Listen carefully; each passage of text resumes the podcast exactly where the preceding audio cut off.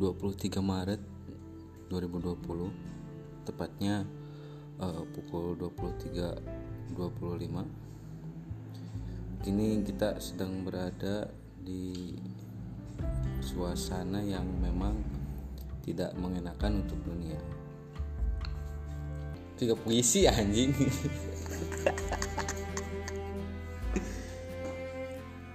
Ya begitulah kita mencoba menghibur diri di kala situasi seperti ini ya. Gimana? Bapak Nur? Bung Nur?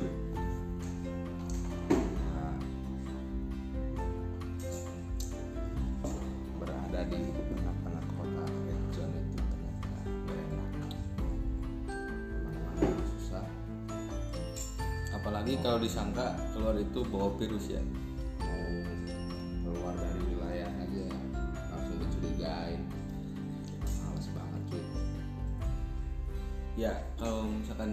tahu atau belum baru dengar tentang virus corona ya kalian bisa searching sendirilah apa itu virus corona. Karena saat ini kita memang nggak bisa ke mana-mana karena virus tersebut.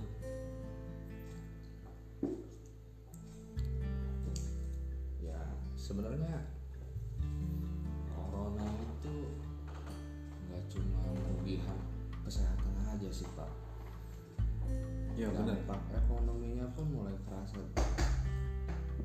dolar itu sekarang naiknya jauh banget jadi 16 ribu Nah, itu dalam sisi ekonomi ya.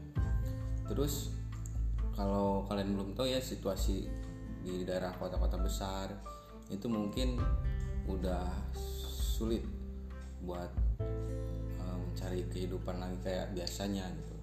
Karena misalkan kayak kota Jakarta itu mereka udah ada yang di rumah kan apa namanya di lockdown di lockdown. Nah kalau misalkan yang dengar ini misalkan ya belum pernah merasain mer- ngerasain hal kayak gini ya kita ceritain lah apa situasinya pas ada eh, COVID-19 atau corona ini. jadi buat yang belum pernah ngerasain keluar rumah dicurigain bawa virus bersyukurlah kalian semua karena ketika kalian udah berada di kota-kota zone seperti ini gak enak banget. Setiap keluar pasti dicurigain bawa virus. Beraktivitas jadi susah. Nah sekarang kota apa aja nih Pak Nur? Bung Nur yang udah dinyatakan red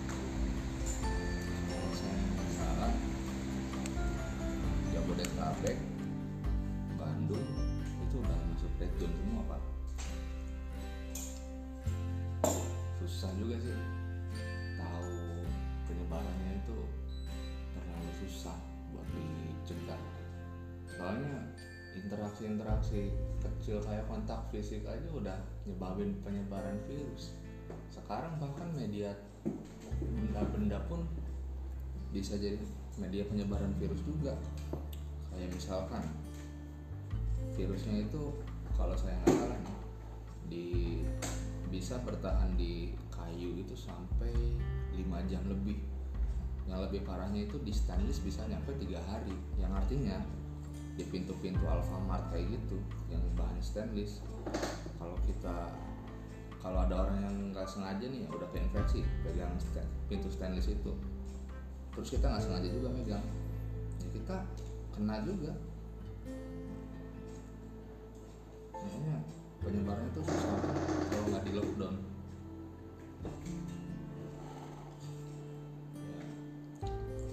Ya, mau nggak mau sih diam di rumah bete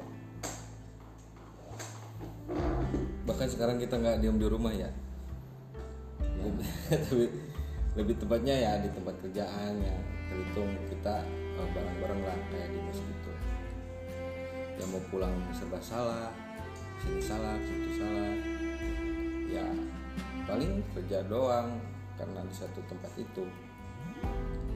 yang paling terasa dampaknya itu cewek-cewek open BO pak.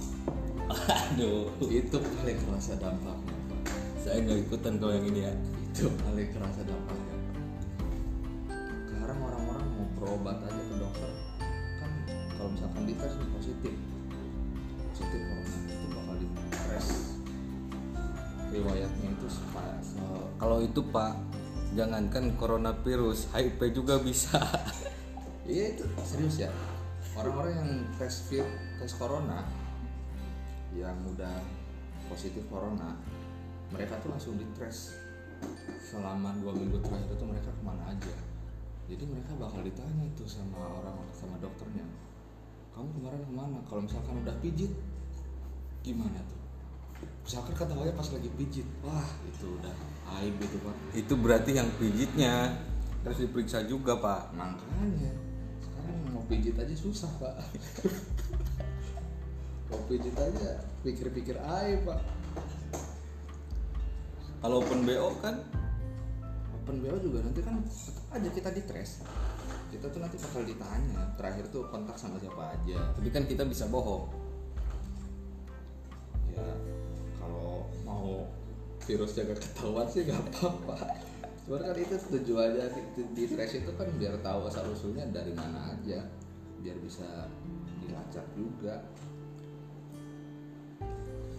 Kayak sekarang kan as- asal usulnya itu nggak jelas corona ke Indonesia itu.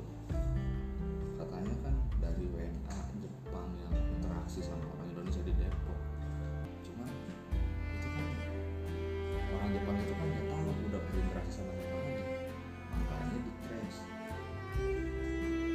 Kalau misalkan eh, titiknya di situ kan berarti cuma misalkan satu tempat aja ya.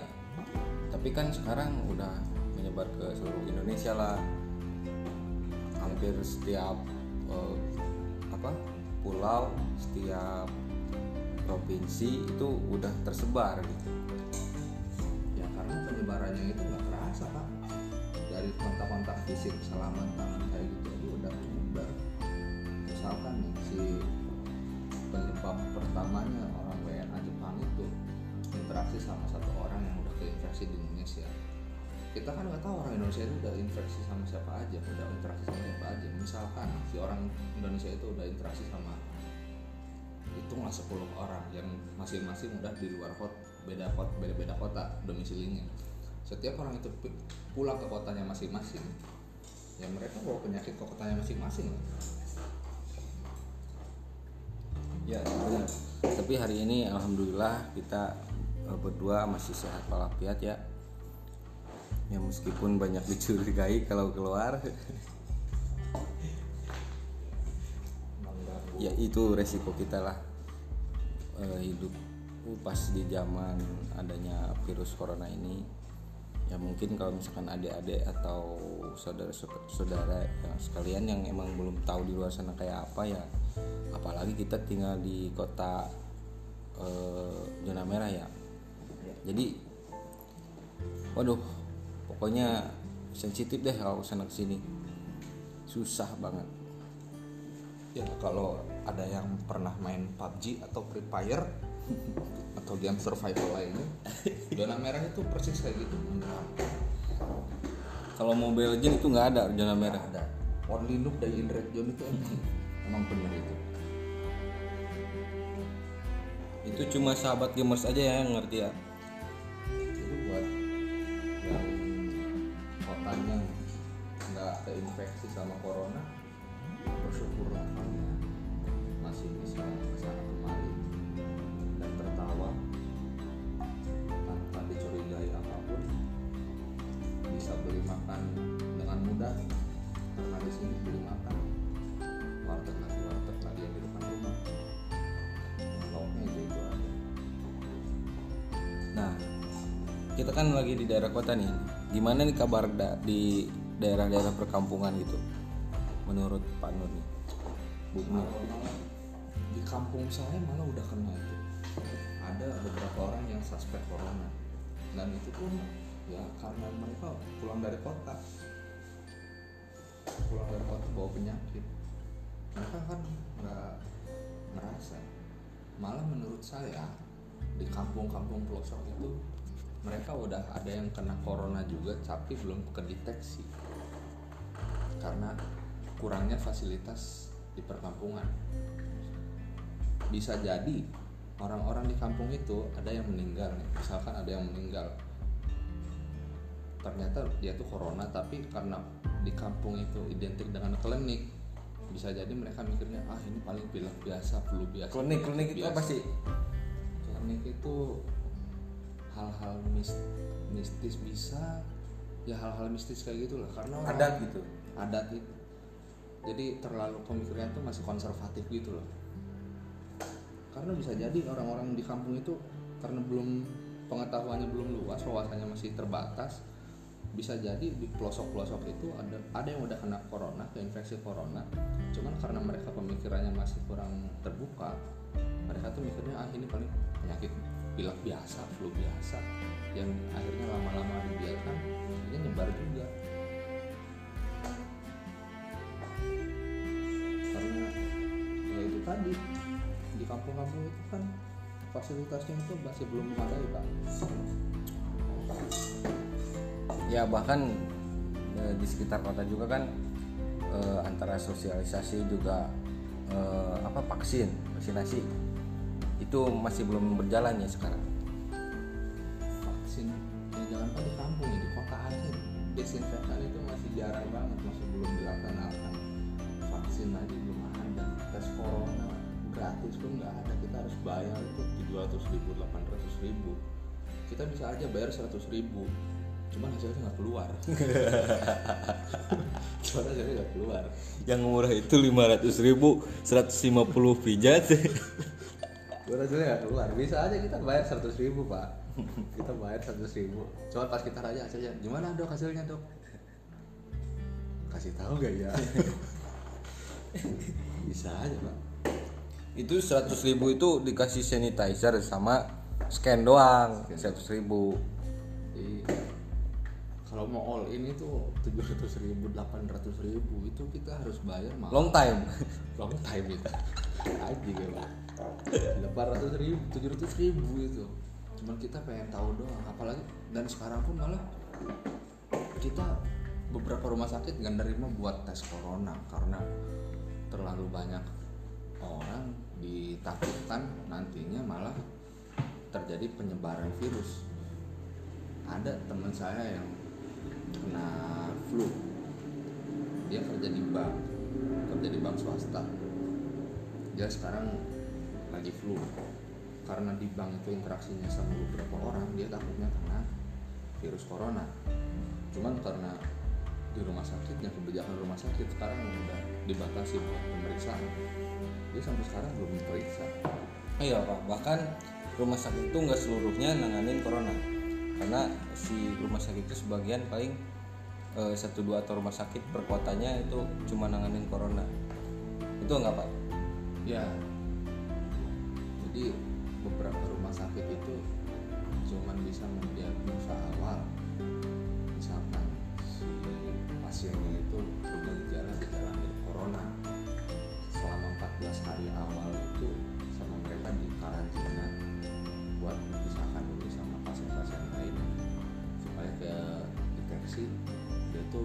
positif corona atau enggak.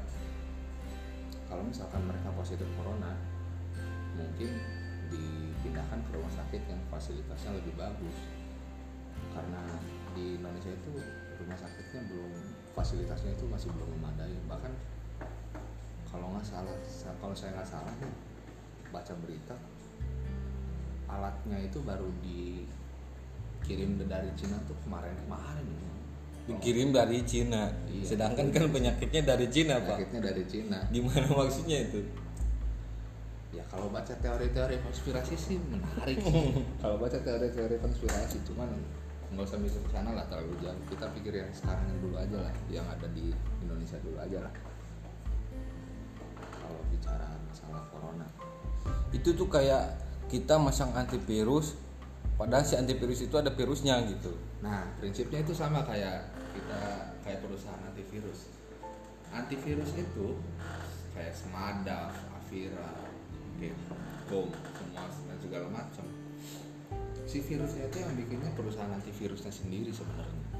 Mereka perusahaan antivirus itu mereka bikin virus supaya mereka bisa jual antivirus. Mungkin prinsipnya sama kayak gitu kalau virus corona itu wah kalau masalah konspirasi terlalu rumit buat dijelasin. Konspirasi global. Itu terlalu rumit dijelasin. Karena corona itu sebenarnya virus lama. Corona itu virus yang udah ada sejak tahun 90-an Nah, eh, ya corona bahkan flu biasa pun itu karena virus corona cuman corona dari Wuhan itu virusnya udah bermutasi. Jadi COVID-19 itu yang ditakutkan itu karena si virusnya udah bermutasi. Dan si tubuh manusia udah nggak bisa lagi nampung virus itu. Udah nggak sanggup lagi. Nah kalau misalkan si covid itu dari Wuhan ya ada kemungkinan nggak si penyakit itu emang di Indonesia juga ada tapi nggak sebesar sekarang gitu. Kayak yang saya bilang di awal tadi kayak bisa jadi di pelosok-pelosok Indonesia itu karena si pemikirannya masih konservatif belum terbuka bisa jadi ada orang-orang yang udah meninggal.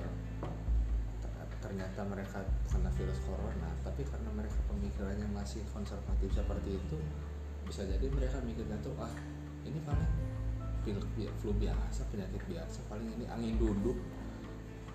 Angin kok bisa duduk? Paling ini angin duduk. Orang Indonesia kan gitu dikit-dikit penyakitnya gitu atau enggak? Ah ini guna-guna nih dari dari tetangga sebelah nih. Ini dari mantannya paling. Karena karena orang Indonesia itu kan apa-apa dia kaitkan sama hal-hal seperti itu. Ya sebenarnya itu masalah sugesti aja ya paling. Ya bisa jadi nih kan dulu ada nih Cina yang ngeklaim laut apa sih? Laut Indonesia tuh laut perairan Indonesia lah Cina bukan perairan Indonesia. Kan beberapa perkumpulan dukun itu pernah ini tuh bersatu buat melawan Cina. Bisa jadi karena Iya. itu dukun di Indonesia tuh sakit cuy. Terus kenapa bisa balik lagi pak? Kau ke Indonesia lagi itu sama aja. Dukunnya udah mati dukunnya udah mati.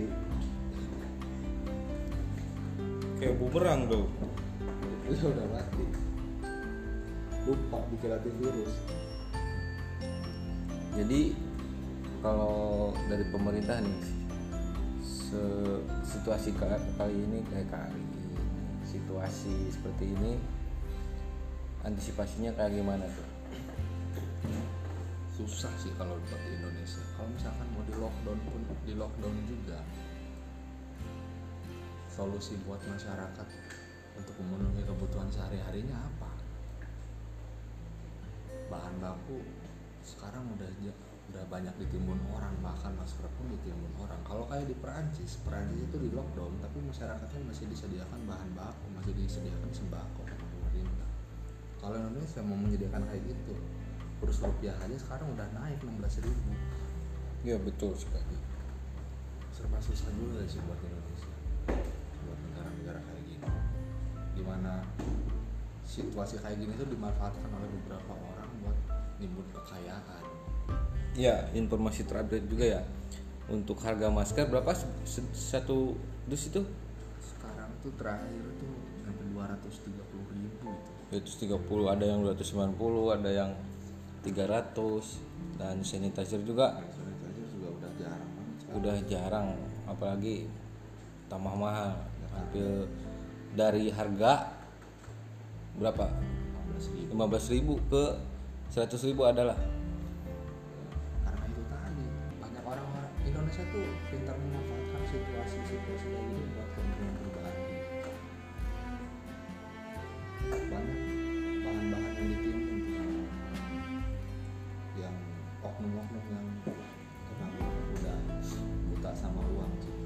ya.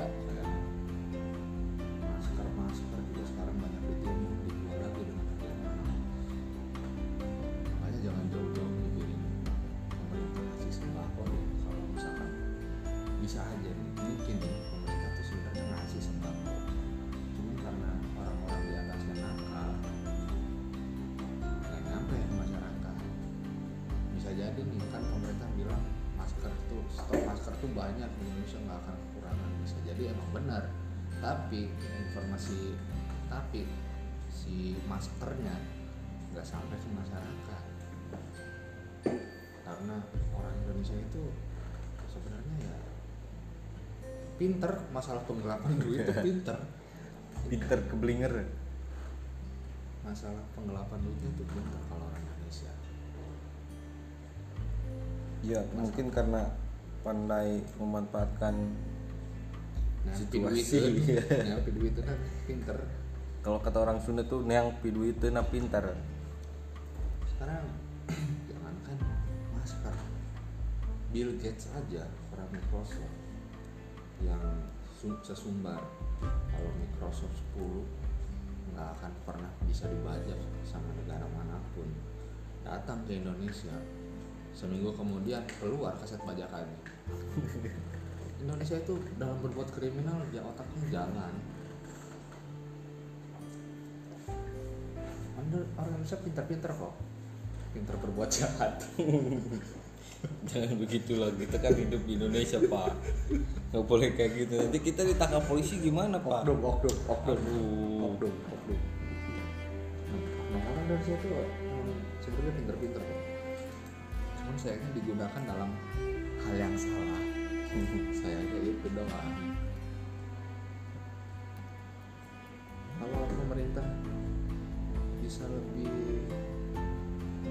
ketat dalam mengawasi peredaran masker mungkin akan kayak gini juga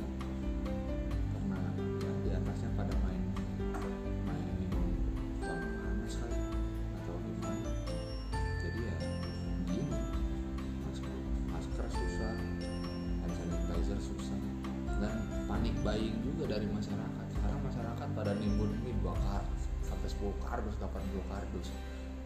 Iya nih misalkan masyarakat nimbun ini 20 kardus. Iya nggak akan kena corona enggak kena lambung. Khusus ba khusus kutu sebulan kemudian kena khusus kutu iya. Iya iya nggak kena corona enggak akhirnya ujung-ujungnya dokter juga kan yang kena. iya. Corona nggak dapat usus buntu iya dapat maksudnya nggak usah sampai panik buying gitulah beli stok makanan ya udah seperlunya aja. Nggak usah sampai 20 kardus diborong semua. Kan?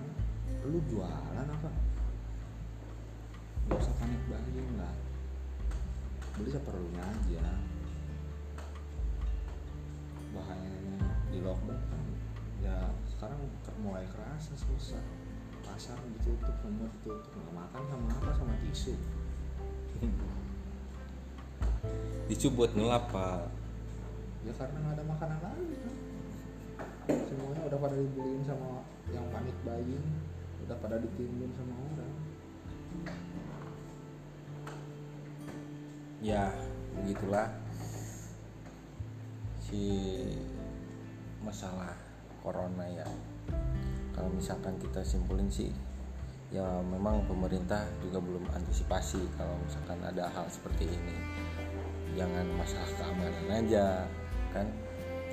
Hal-hal seperti ini seperti ini pun ya kita bisa eh, secara kata lain perang perang apa ya? Perang melawan virus lah.